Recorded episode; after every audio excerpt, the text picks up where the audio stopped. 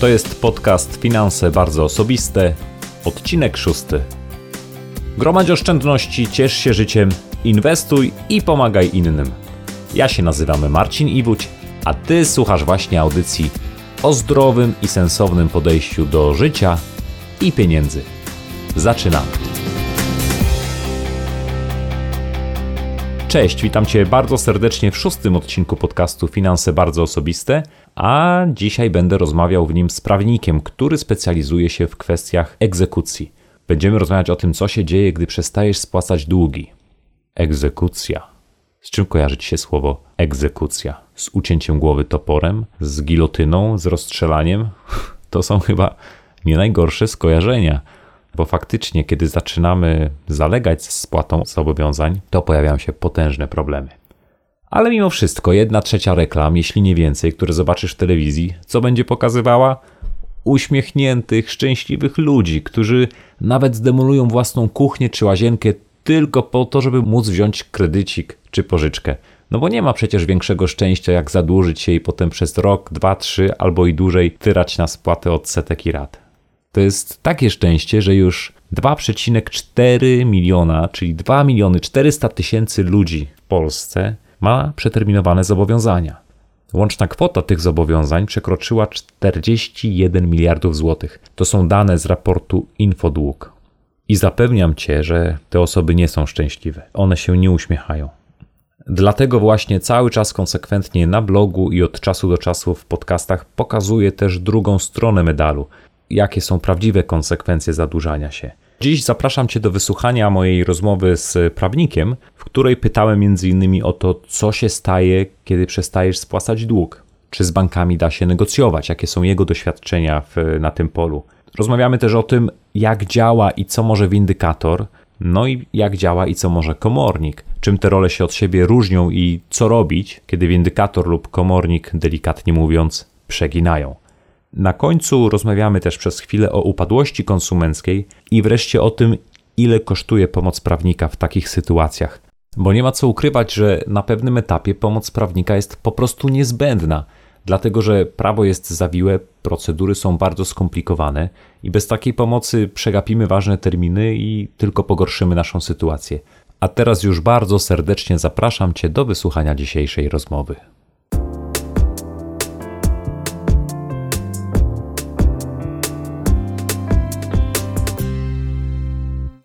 Moim gościem jest dzisiaj Tomasz Orlik, prawnik, który od 1998 roku prowadzi we Wrocławiu kancelarię Amagant, czyli już 16 lat, a specjalizuje się w sprawach związanych z egzekucją, czyli ze wszystkim tym, co jest związane z komornikami, windykatorami, no i tymi wszystkimi mało przyjemnymi sprawami, które mogą nas dotknąć, kiedy przestajemy spłacać nasze długi. Cześć Tomku, witam Cię bardzo serdecznie. Witam serdecznie. Powiedz proszę w kilku słowach, czym dokładnie się zajmujesz. Kancelarię, jak wspomniałeś, prowadzę od roku 98, natomiast głównym zainteresowaniem od czterech lat, głównym spektrum zainteresowania od tych czterech lat jest postępowanie egzekucyjne i wszystko, co jest związane zarówno z komornikami, jak i postępowaniem zabezpieczającym. Panuje opinia, że jest to jeden z najtrudniejszych działów prawa, a poza tym no jest on niestety w swych relacjach ten dział związany z empatią ludzką, z krzywdą ludzką, więc te moje działania są wielowymiarowe.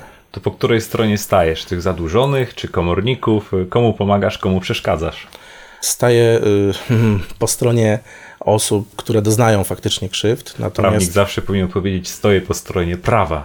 Y, ale zazwyczaj jest tak, że ci, którzy doznają krzywd, są przez to y, no, prawo miażdżeni, więc nasze prawo nie jest do końca prawem precyzyjnym, więc staje się mm, człowiekiem, który chroni słabszych. Tomku, my poznaliśmy się przy okazji Twojej współpracy z jednym z uczestników programu Prosty Rachunek, który prowadzę w TVN-ie. Dotarłem do Ciebie między innymi przy okazji tej jednej sprawy.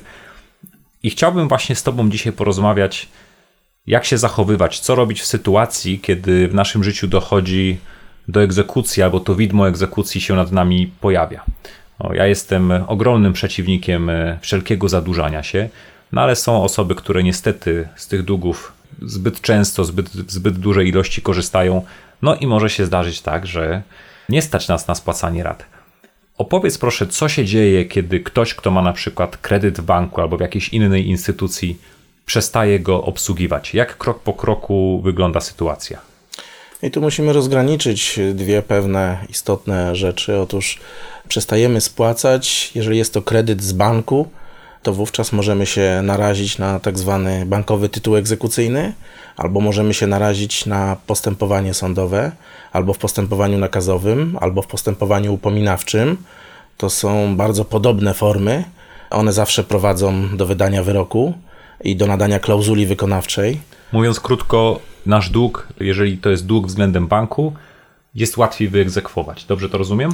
Jest łatwiej nadać klauzulę wykonalności, ponieważ bank dysponuje taką możliwością, jak właśnie ten bankowy tytuł egzekucyjny i w zasadzie nie musi przeprowadzać postępowania dowodowego w sądzie. A w przypadku tych wszystkich firm pożyczkowych, które nie są bankami? No niestety tam te wszystkie firmy muszą iść do sądu. Najpierw muszą wysłać wezwanie do zapłaty długu, a potem idą do sądu i zazwyczaj, jeżeli nie mamy zabezpieczenia na przykład wekslowego, idziemy w tak zwane postępowanie upominawcze. No dobrze, to weźmy teraz taki zwykły kredyt bankowy. Wziąłem pożyczkę w banku, wydałem ją, nie mam pieniędzy, żeby jej spłacić. Mija miesiąc, ja nie spłaciłem raty. Co się dzieje? Ja myślę, że mimo wszystko pierwszym postępowaniem, jakie zalecam i tutaj e, jakby idę w sukurs tobie, to rozmowa z bankiem. Mhm. E, kredyt, moje doświadczenie, ponieważ jakby w sprawach egzekucyjnych zawsze staram się najpierw rozmawiać z każdym z wierzycieli, więc również zajmuję się problematyką bankową. Banki są skłonne obniżać raty. Robią to czasowo, czasami robią to na stałe i zazwyczaj dzieje się tak, że albo wydłużają okres kredytowania przy zmniejszeniu raty, albo nawet operują odsetkami, więc potrafią zmniejszyć odsetki. Ty masz w tym duże doświadczenie, bo ty wręcz ze swoimi klientami chodzisz do banków, tak? Przygotowujesz pisma, które mają e, pomóc i doprowadzić do takiej sytuacji. Nie zdarzyło mi się jeszcze, żeby w odpowiednim momencie, a nawet w chwili, kiedy kredyt został już wypowiedziany i klient zareagował chociażby przeze mnie, czyli przez swojego pełnomocnika, żeby bank nie podjął rozmów. Więc y, trudno mi uwierzyć, że wszyscy kredytobiorcy skazani są tylko i wyłącznie na porażkę w relacjach z bankiem. Jeżeli prowadzimy rozmowę, mamy szansę dojść do porozumienia z bankiem. Czyli to porozumienie jest możliwe. Ja również zawsze uważam, że to powinien być pierwszy krok właśnie po to, żeby obniżyć te raty. No ale załóżmy, że niestety nasza sytuacja jest dużo gorsza i na spłatę rat nas nie stać. I tak naprawdę, pomimo zawarcia ugody z bankiem, nie wywiązujemy się z tej ugody. Co się dzieje dalej? No więc bank zazwyczaj korzysta z opcji, którą przy podpisywaniu umowy my usankcjonowaliśmy naszym podpisem, czyli z bankowego tytułu egzekucyjnego. Tak jest, bardzo wiele osób nie zdaje sobie w ogóle z tego sprawy, że prawie w każdej umowie kredytowej, którą podpisujemy z bankiem, jest oświadczenie o dobrowolnym poddaniu się egzekucji i udzielamy tym samym bankowi zgody na wystawienie bankowego tytułu egzekucyjnego. Co to w praktyce oznacza? W praktyce oznacza to tyle, że bank nie przeprowadza w sądzie żadnego postępowania dowodowego, tylko wystawiając ten tytuł oczekuje na klauzulę wykonalności. A klauzula wykonalności to jest akt sądowy, który wyraża się w przybiciu pieczęci, w której jasno i wyraźnie stwierdza się, że każda instytucja jest zobowiązana do pomocy w odzyskaniu długu wobec posiadacza klauzuli. Czyli bank idzie do sądu, Dostaje tak naprawdę klauzulę. po pieczątkę tak. z którą to pieczątką może natychmiast wszczynać egzekucję. Kuriozum jest takie, że w tym postępowaniu dłużnik nie uczestniczy i dowiaduje się o nim dopiero wtedy, jak komornik puka do jego drzwi albo wysyła zawiadomienie o wszczęciu egzekucji. Mówiąc krótko, to oznacza, że fakt, że bank, w którym przestaliśmy spłacać raty, nie odzywa się do nas albo nie przesyła nam kolejnych listów, monitów i próśb o spłatę, to wcale nie znaczy, że ten bank przestał się nami interesować i przestał interesować się tym długiem, który mamy względem tego banku. Bank nie zapomina. Nie zdarzyło się w mojej karierze, żeby bank zapomniał. W mojej też nie. Zazwyczaj, jeżeli już nie chce się zajmować nami, to sprzedaje ten dług, ale dopóki może, to próbuje go egzekwować. No właśnie, i teraz, kiedy już bank otrzyma ten bankowy tytuł egzekucyjny, może rozpocząć egzekucję. Tomku, często zdarza się tak, że jeszcze przed pójściem do sądu banki starają się odzyskać swoje należności w inny sposób. na przykład za pomocą różnego rodzaju windykatorów, albo tak jak wspomniałeś, sprzedając y, nasze długi do zewnętrznych firm. Co może taki windykator nam zrobić? Ja myślę, że tutaj w tej chwili mamy tak bardzo rozwinięty rynek windykacji zewnętrznej, że banki nazywając to, bo kultura jakby organizacji poszła do przodu i banki nazywają to w tej chwili serwisowaniem długu. Albo Czyli, windykacją miękką. Albo windykacją miękką, ale serwisowanie długu brzmi e, no, bardziej Delikatnie. cywilizowanie, tak. Otóż y, bank udzielając pełnomocnictwa do rozmów i do windykacji zaległych należności upoważnia firmę do faktu, żeby się z nami skontaktowała i próbowała nam polubownie na zasadzie polubownej odzyskać lub ustalić plan ratalny. No tak, tylko te, te polubowne próby odzyskania długu to często wyglądają w ten sposób, że ludzie nie mogą spać po, nosach, po nocach, są zestresowani, otrzymują mnóstwo telefonów, są zastraszani. Czy w ten sposób windykatorzy mogą w ogóle działać? Absolutnie, jest to niedopuszczalne. Windykator tak naprawdę nie może nic. I proszę pamiętać, że w momencie, kiedy odzywa się windykator w sprawie naszego zaległego długu, i państwo odpowiedzą, że pieniędzy nie mają, nie mogą spłacać lub nie chcą się porozumieć z windykatorem, bo jest on agresywny, to on nie ma prawa wydzwaniać i państwa w żaden sposób namawiać do tej spłaty. Jest to e, zagrożone e, sankcją karną, można zgłosić sprawę na policję. Jeżeli to są telefony lub jeżeli to są SMS-y, to podpada to pod modny ostatnio stalking. Proszę Czyli... reagować. Nie wolno tego zostawiać, a poza tym należy zawsze informować bank, że dochodzi do sytuacji, które niepokoją państwa lub zakłócają mir domowy. Czyli takie kroki, o których często słyszę, jakie podejmują windykatorzy, poza telefonami z pogróżkami, poza informacją o tym, że przekażą informacje naszym sąsiadom na temat długów, albo że chcą przyjechać do nas do domu, żeby obejrzeć, co można zabrać i sprzedać, żeby odzyskać dług, to wszystko jest po prostu nielegalne. Oczywiście, ja bym to nazwał nawet postępowaniem gangsterskim. Niestety nie mogą ani przyjeżdżać, ani informować sąsiadów, ani nas zastraszać. Czyli powiedzmy jeszcze raz jasno i wyraźnie, co zrobić w sytuacji, kiedy jesteśmy w ten sposób nękani przez windykatorów? Przede wszystkim powiadomić bank i zgłosić sprawę na policję. Zapewniam Państwa, że telefony ucichną. Czyli mamy już jedną bardzo konkretną radę. No dobrze, to windykatorów mamy z głowy, ale to cały czas nie rozwiązuje problemu długu. I jeżeli ta windykacja nie przynosi, nie odnosi skutku, no to bank idzie dalej, uzyskuje bankowy tytuł egzekucyjny. Co ten tytuł jeszcze raz powiedzmy w praktyce oznacza?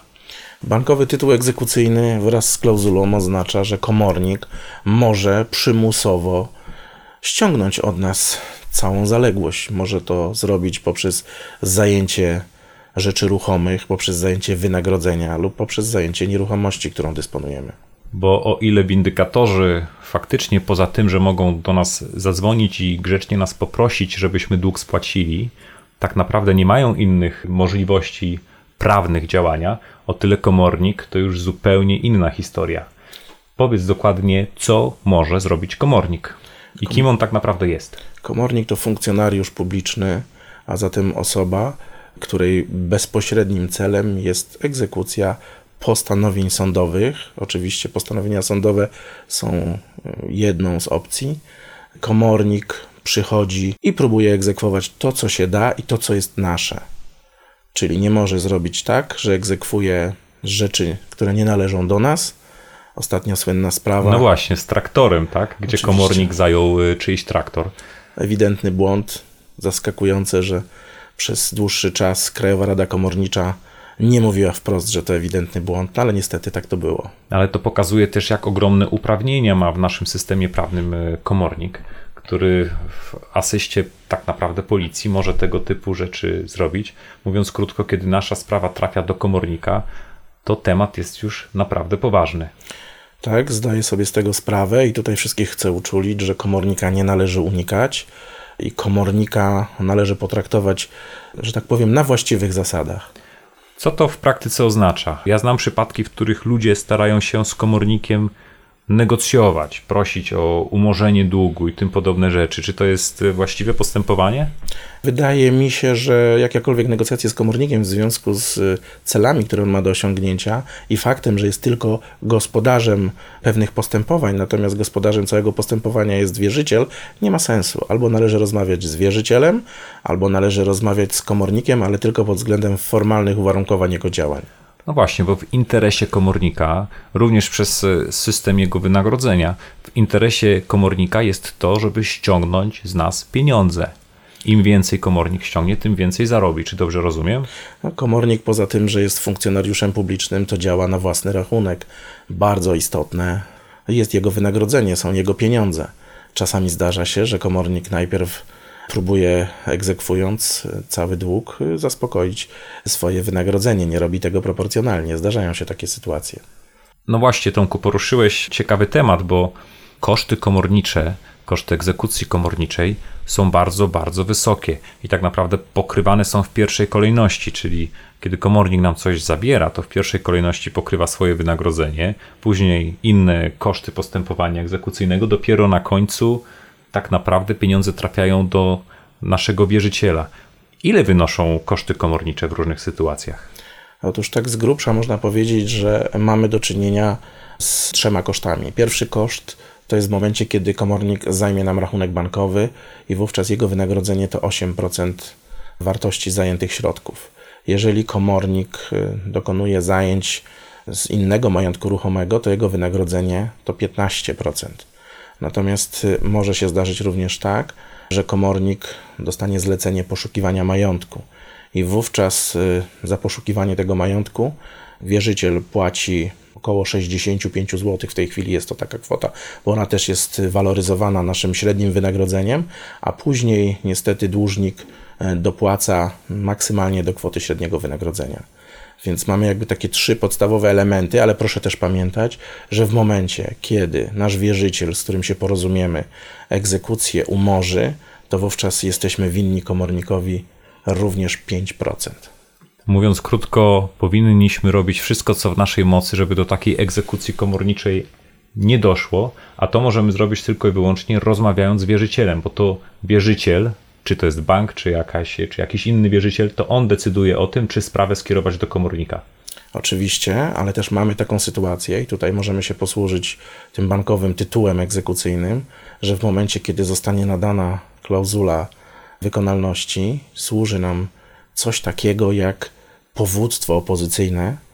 Jest to jeden ze środków obrony, ponieważ może się zdarzyć, że w momencie, kiedy mamy już tę klauzulę nadaną, a komornik nie wszczął jeszcze postępowania, my spłaciliśmy dług. No tak, ale o tym, że jest wydany, że bankowy tytuł egzekucyjny otrzymał klauzulę wykonalności, no to my tak naprawdę zazwyczaj nie wiemy, prawda? Powiem tak, to powództwo y, może zadziałać również wtedy, kiedy komornik tą egzekucję rozpocznie, a my będziemy musieli wystąpić z takim powództwem, żeby bank tą egzekucję umorzył. Co możesz doradzić osobom, które jednak, no niestety, już są w sytuacji, w której trwa egzekucja, gdzie komornik zajął im rachunek, gdzie zajmuje inne składniki majątku? Co możemy zrobić, żeby chociaż w minimalnym stopniu złagodzić skutki tej egzekucji dla nas? Powiem tak, zazwyczaj trzeba się przyglądać działaniom komornika. Jeżeli dostrzeżemy jakieś nieprawidłowości w tych działaniach, to należy korzystać z możliwości skarg ja tu mogę podać taki przykład, że przychodzi komornik i próbuje zabrać nam komputer, i zazwyczaj powinien zrobić tak, że zabiera sprzęt, natomiast nie zabiera danych. Zdarzyło się w mojej karierze tak, że komornik przyszedł i zabrał wszystko, nie dając możliwości wyczyszczenia danych lub nie zostawiając twardego dysku no to już może nas narazić na poważne konsekwencje i mogą z tego powstać problemy. Jest to związane z ustawą o ochronie danych osobowych.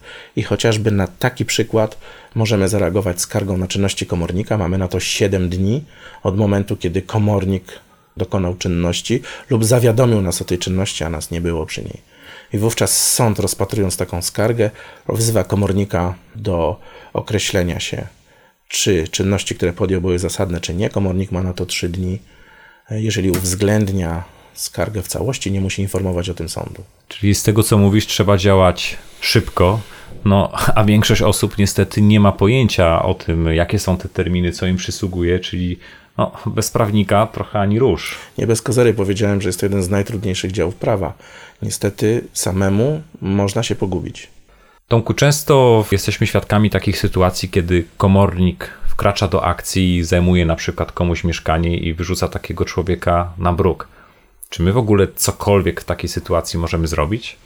Zdarzają się sytuacje wyjątkowe, aczkolwiek za czym komornik wyrzuci kogoś na bruk, to mija trochę czasu, ale mamy do czynienia z czymś takim jak skarga w trybie nadzoru sądowego. Jest to artykuł 759 Kodeksu Postępowania Cywilnego. Co to, co to oznacza w Paragraf praktyce? drugi.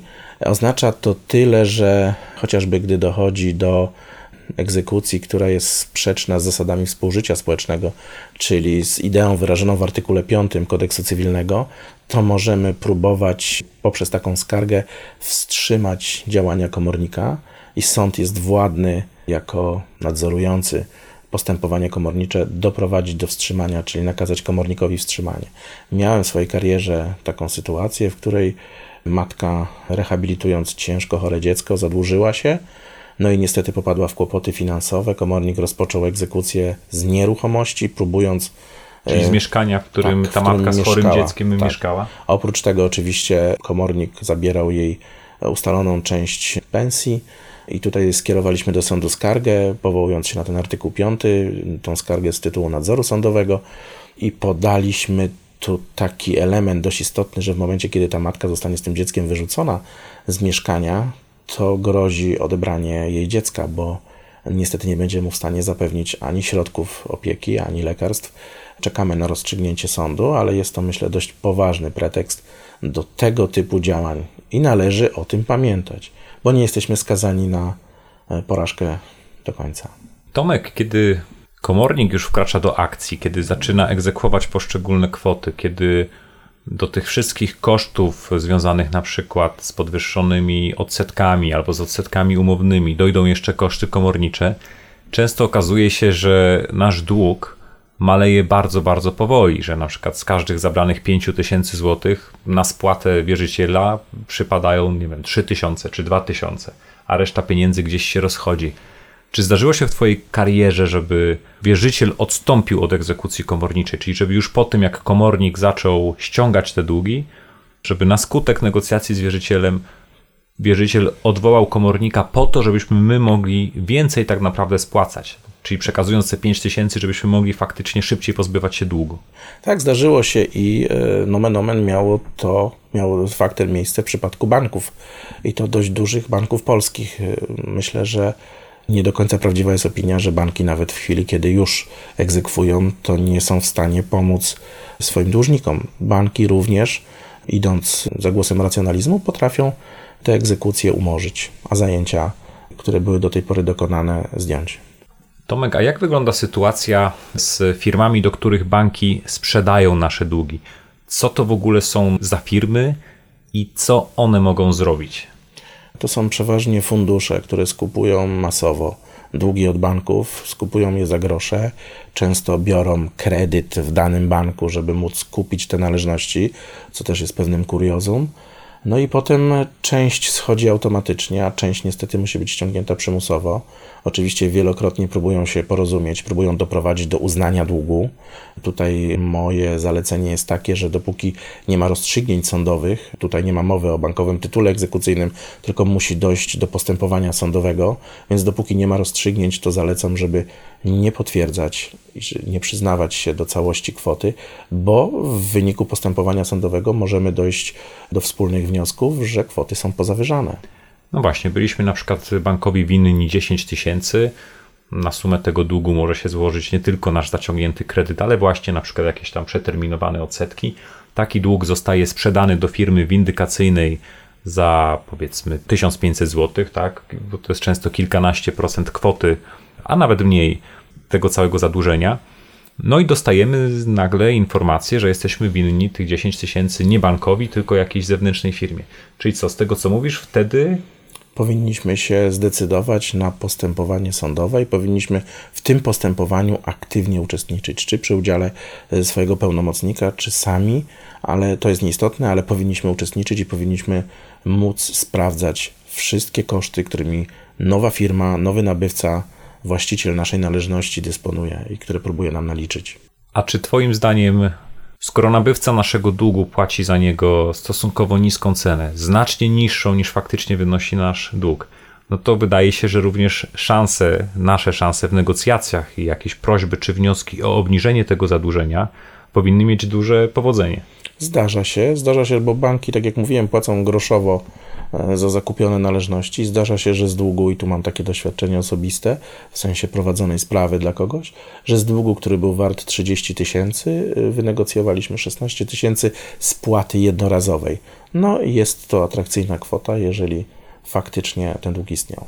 Czyli zawsze w takich sytuacjach y, jest szansa na to, że jeżeli dobrze poprowadzimy negocjacje, to możemy doprowadzić do sytuacji, w której zarobi ta firma windykacyjna, bo jednak kupiła dług taniej, a my tak naprawdę My skorzystamy, tak. skorzystamy. I warto tu doprowadzać, tak jak mówię, do postępowań sądowych, bo ugodę można zawrzeć również na sali sądowej i ma to niebagatelne znaczenie. Aha, czyli z tego są już nie tylko takie negocjacje poprzedzające rozprawę sądową, ale również, już na etapie sali postępowania. sądowej, Oczywiście. I to polecam. No tak, wtedy najlepiej w asyście prawnika. Zdecydowanie. Nie jest to jeszcze u nas doceniane, ale w chwili, kiedy możemy stracić dorobek swojego życia lub wiele z tego dorobku, uważam, że należy przekalkulować koszty. Tomku, egzekucja i ten cały proces jest nie tylko bardzo kosztowny, nie tylko bardzo męczący, ale on jest wręcz wyczerpujący psychicznie dla ludzi, którzy niestety z tą egzekucją mają do czynienia, którzy są dłużnikami. I wiele takich osób w pewnym momencie dochodzi do wniosku, że no nie, nie dam rady, nie ma szans. Pojawia się myśl o upadłości konsumenckiej. Powiedz w kilku zdaniach, jak to teraz wygląda i czy faktycznie upadłość konsumencka może być wyjściem.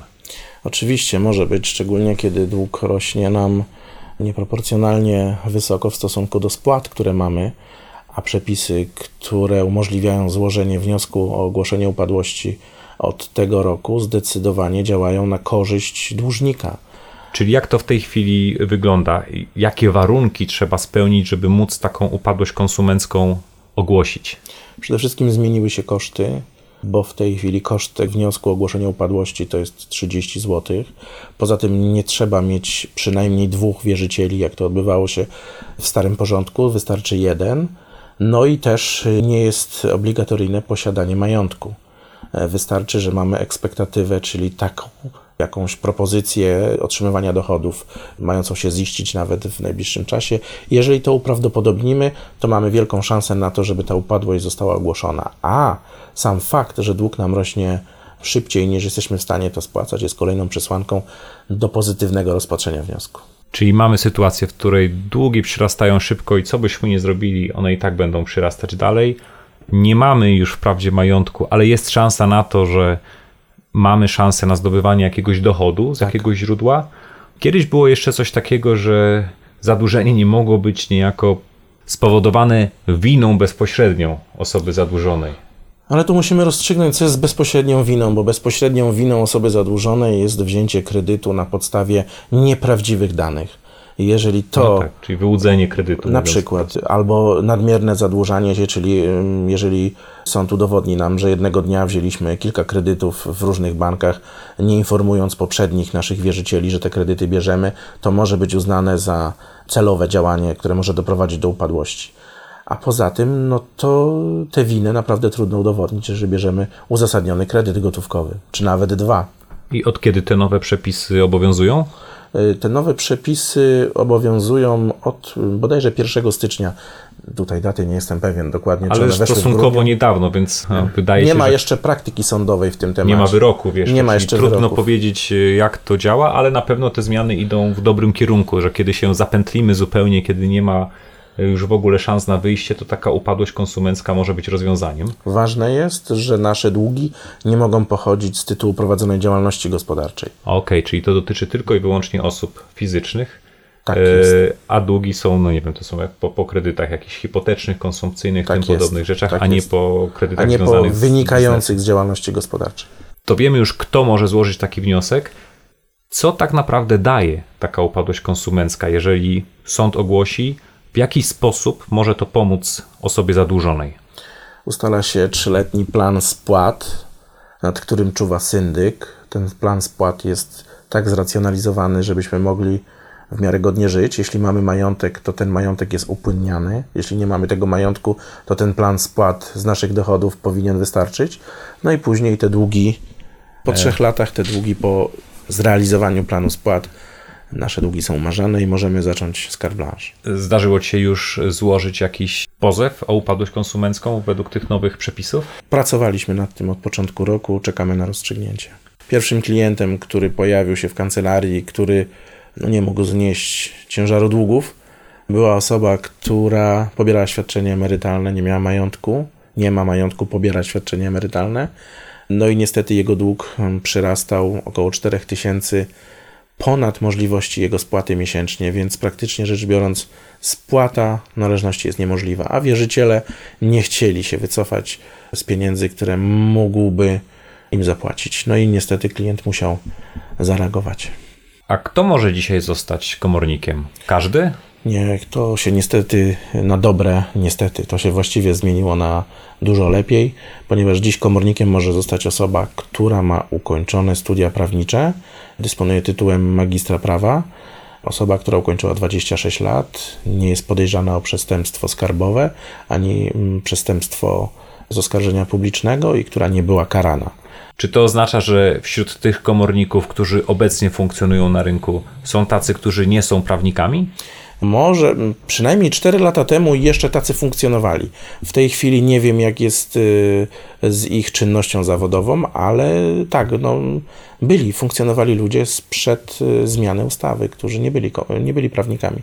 A teraz ta wiedza prawnicza no, gwarantuje jednak, ponieważ egzamin komorniczy jest egzaminem naprawdę bardzo ciężkim, gwarantuje no, dość szeroką wiedzę i ja znam osobiście komorników, to są zazwyczaj uczciwi ludzie nie można ich wszystkich w czambu potębić, ponieważ no, czarne owce zdarzają się w każdym środowisku, ale to są ludzie z przygotowaniem merytorycznym. No tak, bo trzeba też patrzeć na czynności komornicze z drugiej strony, czyli ze strony wierzyciela. Jeżeli ja komuś pożyczę pieniądze i potrzebuję ich bardzo, a nie mogę odzyskać, no to wtedy komornik. Komornik się przydaje, możemy stanąć po każdej ze stron. Dokładnie, dlatego nie, nie zapominajmy też o tej stronie medalu najlepszy sposób, żeby nigdy z komornikiem nie mieć do czynienia z tej złej strony, no to po prostu się nie zadłużać i to podkreślam na każdym kroku. Ale dzisiejsze czasy niestety są takie, że nie możemy być pewni jutrzejszego dnia. A, że może przyjść komornik i zapukać możemy do naszych drzwi. pracę, może, się no tak, tak, różne tak. rzeczy. No tak, ale przynajmniej nie zadłużajmy się z własnej, nieprzymuszonej woli. Ja często powtarzam, że na pewnym etapie postępowania no, dłużnicy nie potrzebują już pomocy stricte finansowej, oni naprawdę potrzebują pomocy prawnika. Powiedz, z jakimi sprawami ludzie mogą zgłaszać się do ciebie, do twojej kancelarii i z jakimi kosztami trzeba tutaj się liczyć? Przede wszystkim mamy do czynienia ze skargami na czynności komornicze, bo to jest podstawa. Poza tym z powództwami. Powództwo opozycyjne, kiedy egzekucja jest prowadzona, a y, my wiemy, że nasz dług został spłacony, daję przykład, albo powództwo, to się nazywa powództwem ekscydencyjnym, kiedy przyszedł komornik i zabrał nam z domu komputer, który należał do kogo innego. I to są sytuacje, kiedy zostały narażone prawa innych osób, należy z tym też y, walczyć. Czyli wtedy, kiedy faktycznie uważamy, że mówiąc kolokwialnie, zostaliśmy pokrzywdzeni przez czynności komornicze. Tak, zdecydowanie. Ty tego typu sprawami się zajmujesz. Tak, a poza tym y, dbamy o to, żeby komornik, bo oczywiście występujemy też jako świadkowie egzekucji. Dbamy o to, żeby komornik przy każdych swoich działaniach, mając na uwadze, że przy egzekucji jest, jest świadek, żeby się mitygował. Musimy być przekonani o tym, że jeżeli dostaniemy zawiadomienie o wszczęciu egzekucji, to nie jesteśmy do końca bezradni. Zastanówmy się, co możemy, zastanówmy się, czego nie możemy. Musimy rozważyć, czy chcemy złożyć upadłość konsumencką, czy jesteśmy w stanie dług spłacić, jakie pieniądze wpływają nam i z jakiego tytułu wpływają nam na konto. Istotnym elementem jest fakt, że komornik, jeśli mamy umowę o pracę, może nam zabrać tylko określoną część, więc nie zostaniemy bez tych pieniędzy w ogóle. Jeżeli jesteśmy emerytami lub rencistami, komornik zabierze nam tylko 25%. Mówiąc tylko, daje jakby nadzieję, że to nie jest tak, że komornik pozbawi nas wszystkiego. Nie jesteśmy do końca bezradni. jest szansa wyjść z długów nawet przy egzekucji komorniczej. Tomek, a powiedz jeszcze o tych kosztach, bo właśnie cały paradoks polega na tym, że ludzie, którzy najbardziej potrzebują tego typu pomocy prawnej, to są też ludzie, którzy uważają, że ich na taką pomoc prawną nie stać. Jak to w ogóle wygląda w praktyce? Jeśli chodzi o skargi na czynności komornika, to wydatki są między 300 a 500 zł. Natomiast jeśli chodzi o powództwa, na przykład powództwo ekscedencyjne, czyli wyłączające spod egzekucji rzeczy nienależące do dłużnika, to tutaj jest to miarkowane wartością przedmiotu egzekucji, wartością przedmiotu sporu. Mówiąc krótko, im droższy przedmiot, im większa wartość, tym oczywiście jest też wyższy Większa koszt cena. z tym związany. Tomek, bardzo serdecznie dziękuję Ci za rozmowę. Ja zachęcam Was bardzo do zadawania pytań pod wpisem dzisiejszym i pod notatkami do tego odcinka podcastu. Tomek będzie przez około dwa, może trzy dni do Waszej dyspozycji i będzie starał się odpowiadać na zadawane przez Was pytania. Także zapraszam Was bardzo serdecznie i Tomek jeszcze raz bardzo, bardzo dziękuję. Dziękuję, a na następny odcinek proponuję rozmowę o egzekucji z nieruchomości. Już właśnie na ten temat z Tomkiem rozmawialiśmy, że jeżeli ten odcinek, w co nie wątpię, spotka się z Waszym zainteresowaniem, to pociągniemy temat dalej, opowiemy o tym, jak krok po kroku wygląda egzekucja z nieruchomości. Dziękuję.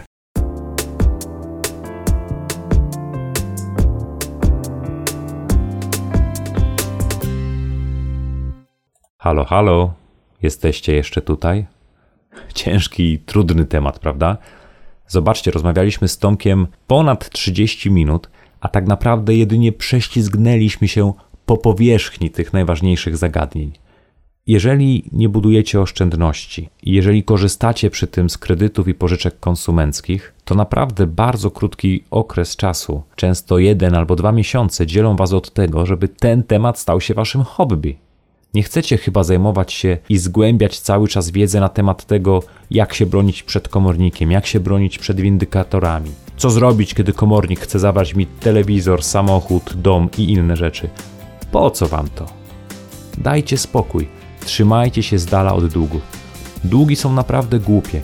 To jest przeciwieństwo oszczędności, to jest forma współczesnego niewolnictwa i to bardzo specyficznego, bo na własne życzenie temu niewolnictwu się poddajemy. Nie wierzcie tym reklamom, nie wierzcie tym uśmiechniętym twarzom. To tak nie działa. Popatrzcie na statystyki. Na 2 miliony 400 tysięcy ludzi, którzy nie są w stanie obsługiwać terminowo swoich zobowiązań. Dajcie sobie spokój. Są znacznie ciekawsze rzeczy. Dlatego trzymajcie się z dala od długów. No dobra, dobra, wiem, wiem. Wystarczy już tej walki z długami na dzisiaj. Po prostu Wielu z Was ciągle do mnie pisze i zadaje te pytania, dlatego wiemy, jak to jest ważny temat. Ale mam nadzieję, że czytacie bloga, że robicie postępy w Waszej walce o finansowe bezpieczeństwo. Dlatego trzymam za Was kciuki. Trzymajcie się, pozdrawiam Was bardzo serdecznie. Cześć.